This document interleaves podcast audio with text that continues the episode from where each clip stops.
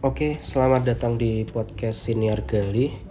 Uh, udah lama banget sih sebenarnya nggak ngupload podcast, cuman tiba-tiba hari ini pengen ngomong sendiri, pengen ngomongin klub kesayangan warga Semarang, yaitu PSIS Semarang.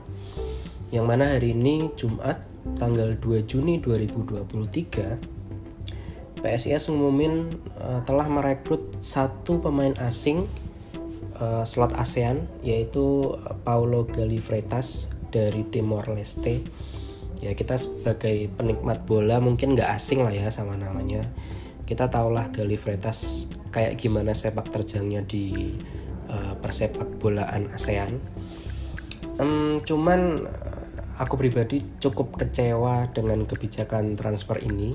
Uh, mari kita diskusikan uh, sebagai informasi di Liga 1 tahun ini yang nantinya rencananya akan bergulir 1 Juli 2023 um, regulasi pemain asingnya berubah ya dari uh, musim lalu. Sekarang ini regulasinya adalah 5 plus 1 yaitu 5 pemain asing bebas dan satu pemain asing ASEAN.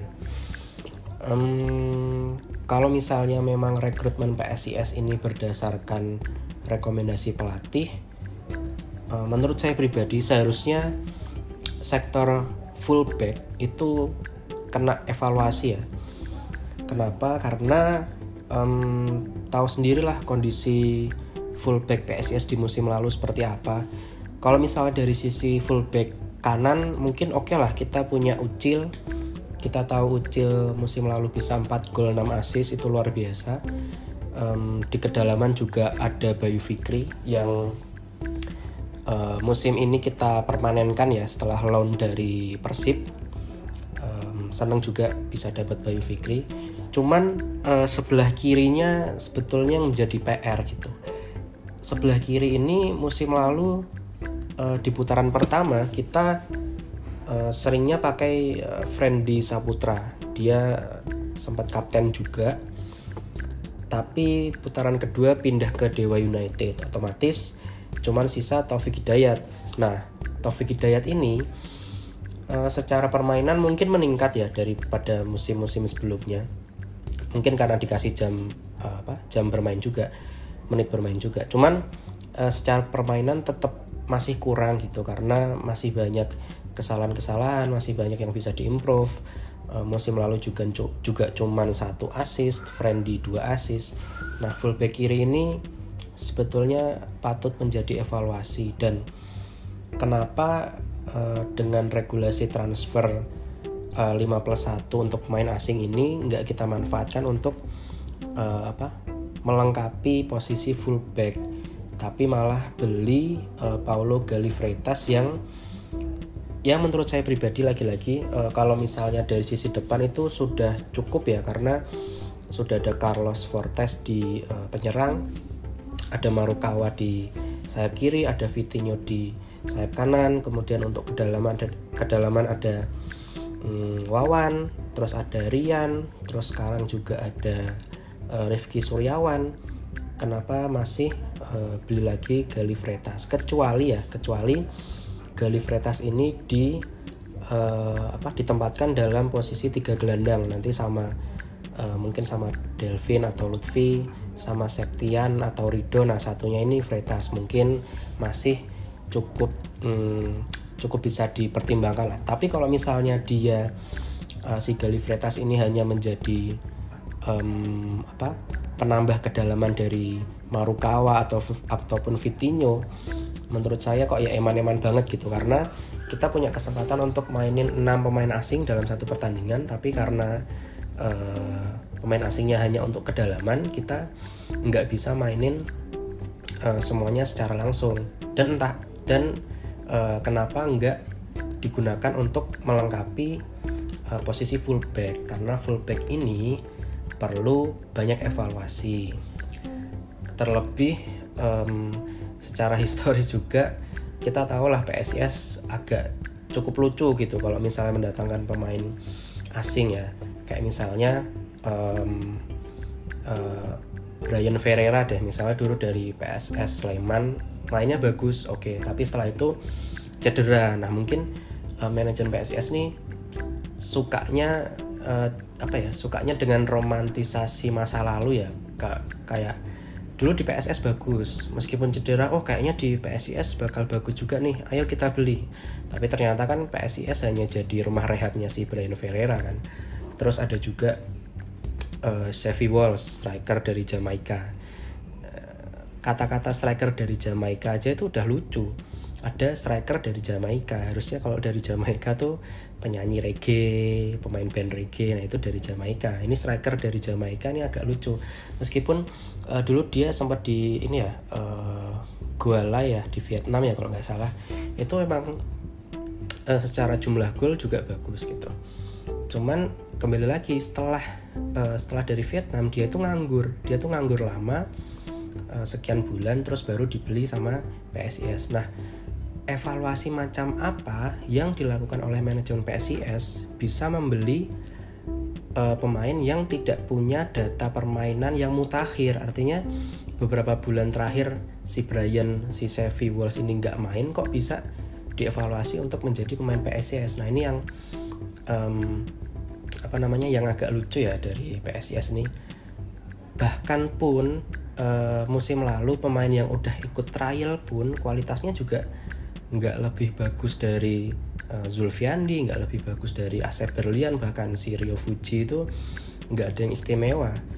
Itu aja bisa kerekrut jadi pemain PSIS gitu. Meskipun kalau dari ini dari sisi kualitas ya Gali Freitas mungkin bagus. Lagi-lagi kita harus lihat nanti di permainan seperti apa. Tapi nggak usah jauh-jauh dari bagus atau enggaknya permainan si Gali Freitas. Saya pengen uh, mengkritisi uh, kebijakan transfernya gitu. Kenapa uh, attacking midfielder lagi gitu. Padahal sudah cukup ada beberapa nama di sana. Kenapa nggak menuhin si fullback kiri? Karena kita tahu nih uh, fullback kirinya kayak gimana. Oke kita bahas. Fullback kiri atau secara keseluruhan deh uh, kayak di uh, IG-nya PSIS kan. Dia kalau ngumumin fullback itu dikasih tahu nih fullbacknya semua kanan maupun kiri. Mungkin mereka tahu bahwa ke depannya akan saling tabel sulam kanan kiri gitu ya nggak tahu tapi di situ ada Ucil ada Bayu Fikri ada Gio Numberi baru ya. Ada Haikal Alhafiz baru. Ada um, siapa namanya? Ada David Trumakik. Ya kan? Itu ada beberapa nama yang baru ya. Ada tiga nama yang baru. Terus selain itu di PSIS mungkin masih ada beberapa nama lain uh, kayak Bahril meskipun cedera ya Bahril ya. Uh, saya kurang tahu cederanya berapa lama. Cuman mari kita cermati satu persatu.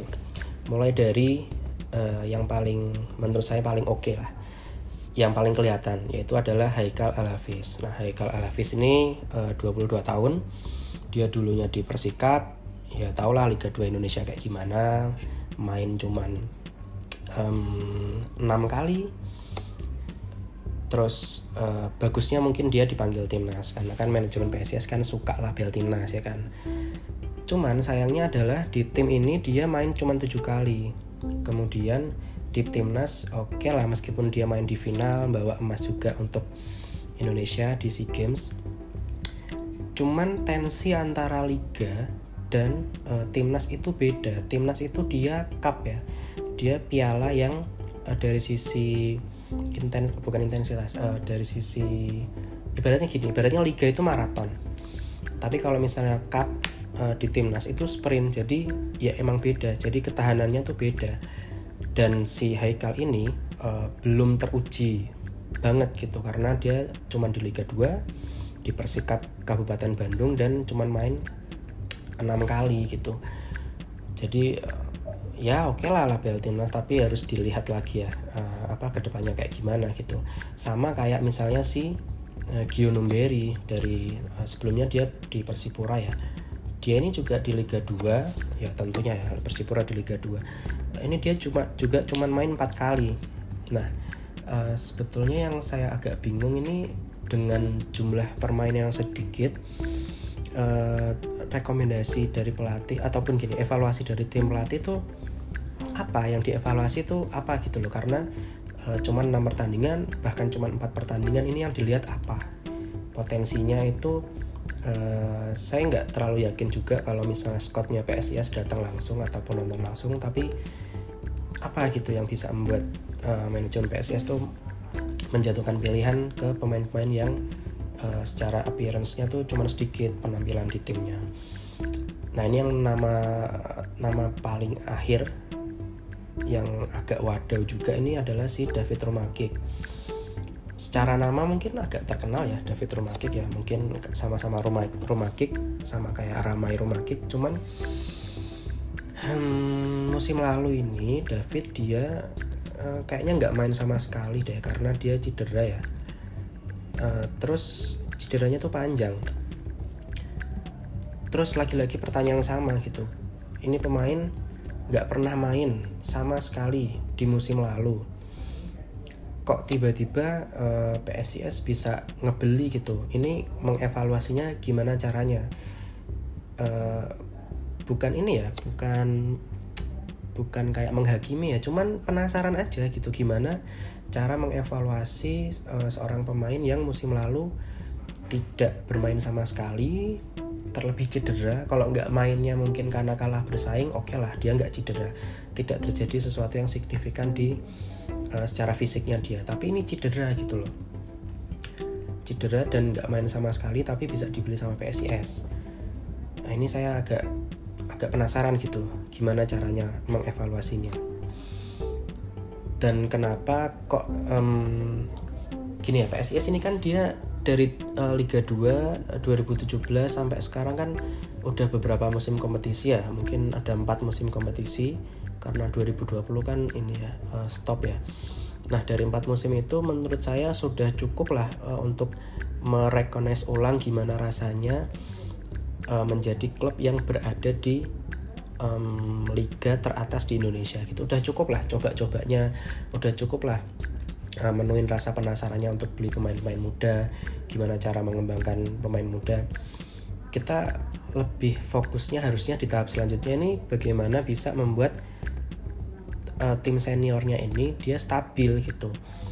Dan salah satu caranya menurut saya at least kalau misalnya mendatangkan pemain ya datangkan pemain-pemain yang secara permainan juga stabil. Uh, saya mengapresiasi kayak uh, membeli uh, musim lalu ya kayak beli uh, Lutfi Kamal kemudian kemarin juga beli Zola kemudian beli um, Sabila terus Rifki Suryawan juga oke okay lah secara uh, menit bermain. Nah itu harusnya pemain-pemain seperti itu gitu yang betul-betul uh, kita butuhkan. Terlebih untuk fullback. Uh, kenapa? Meskipun oke okay lah meskipun nggak datengin fullback asing gitu misalnya. Kenapa nggak cari pemain yang um, uh, secara apa deretan fullback itu mereka nggak berada di deretan fullback teratas di Liga Indonesia tapi secara jumlah menit bermain di musim lalu tuh uh, stabil bersama timnya. Kayak misalnya um, Abdul Lestaluhu ataupun Miftah Anwar Sani ataupun ya beberapa pemain lain lah yang secara nama bahkan saya nggak masalah kalau misalnya fullback di tiga tim terbawah musim lalu kayak misalnya Rans, Barito ataupun PSS tapi uh, mereka tuh secara permainan bermain minimal 20-an lah 20-an uh, eh, apa pertandingan di musim lalu. Itu saya lebih memilih untuk uh, mendatangkan pemain-pemain yang seperti itu. Ya tapi mungkin ada pemikiran lain ya dari tim um, apa tim kepelatihan PSIS maupun manajemen PSIS mungkin uh, memang nggak deal mungkin udah nyari yang setara tapi nggak deal harganya nggak cocok atau uh, pemain yang nggak mau ya itu oke okay lah tapi um, ya gitulah cukup penasaran aja gimana kebijakan transfernya karena menurut saya kita um, perlulah sekali-sekali mengawal kebijakan transfer biar nggak terjadi um, apa namanya transfer-transfer yang wadau lagi gitu. Ngomong-ngomong kebijakan transfer juga uh, sempat waktu awal Fortes cedera ya sebelum hmm, bentar. Sebelum mulai liga ya kalau nggak salah ya. Setelah Piala Presiden sebelum mulai liga itu kan manajemen agak khawatir tuh ya uh, Fortes bisa sembuh atau enggak terus setelah beberapa kali penyembuhan uh, infonya akan bisa sembuh gitu dan main di at least akhir-akhir putaran pertama. Tapi di saat itu juga uh, PSIS kayaknya ya ini seingat saya. Kayaknya sudah berkontrak juga sama Paul Victor. Eh sorry kok Paul Victor sih? Sama Pedro Henrique kalau nggak salah yang dulu Persiraja yang botak tinggi juga. Nah itu kalau misalnya bener berkontrak berarti kan argonya udah jalan ya.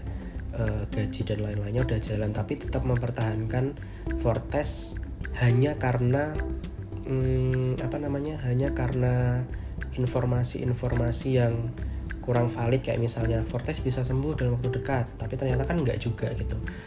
Baru main di awal putaran kedua atau beberapa pertandingan setelah putaran kedua dimulai dan di saat-saat itu kan akhirnya PSIS kosong gitu. Menurut saya saat itu ya lebih baik memang mainin Pedro Henrique sambil nunggu Fortes sembuh. Nah maksud saya yang kebijakan-kebijakan transfer kayak gitu uh, kita sebagai uh, penikmat ya pengamat itu mungkin perlu sedikit mengkawal lah perlu ngingetin uh, manajemen PSIS bahwa dulu tuh pernah loh terjadi uh, kegagalan-kegagalan transfer kayak gini gitu. Jangan sampai ke depannya uh, terulang lagi kayak gitu. Oke mungkin itu itu aja. Um, kalau misalnya ke depan PSIS ngelakuin sesuatu yang unik lagi yang aneh ataupun yang uh, mencengangkan membanggakan. Termasuk nanti kalau misal udah masuk di pertandingan-pertandingan Liga 1 mungkin saya bakal um, bakal seneng sih kalau ngomongin PSIS lagi. Mungkin ditunggu aja ya uh, episodenya. Makasih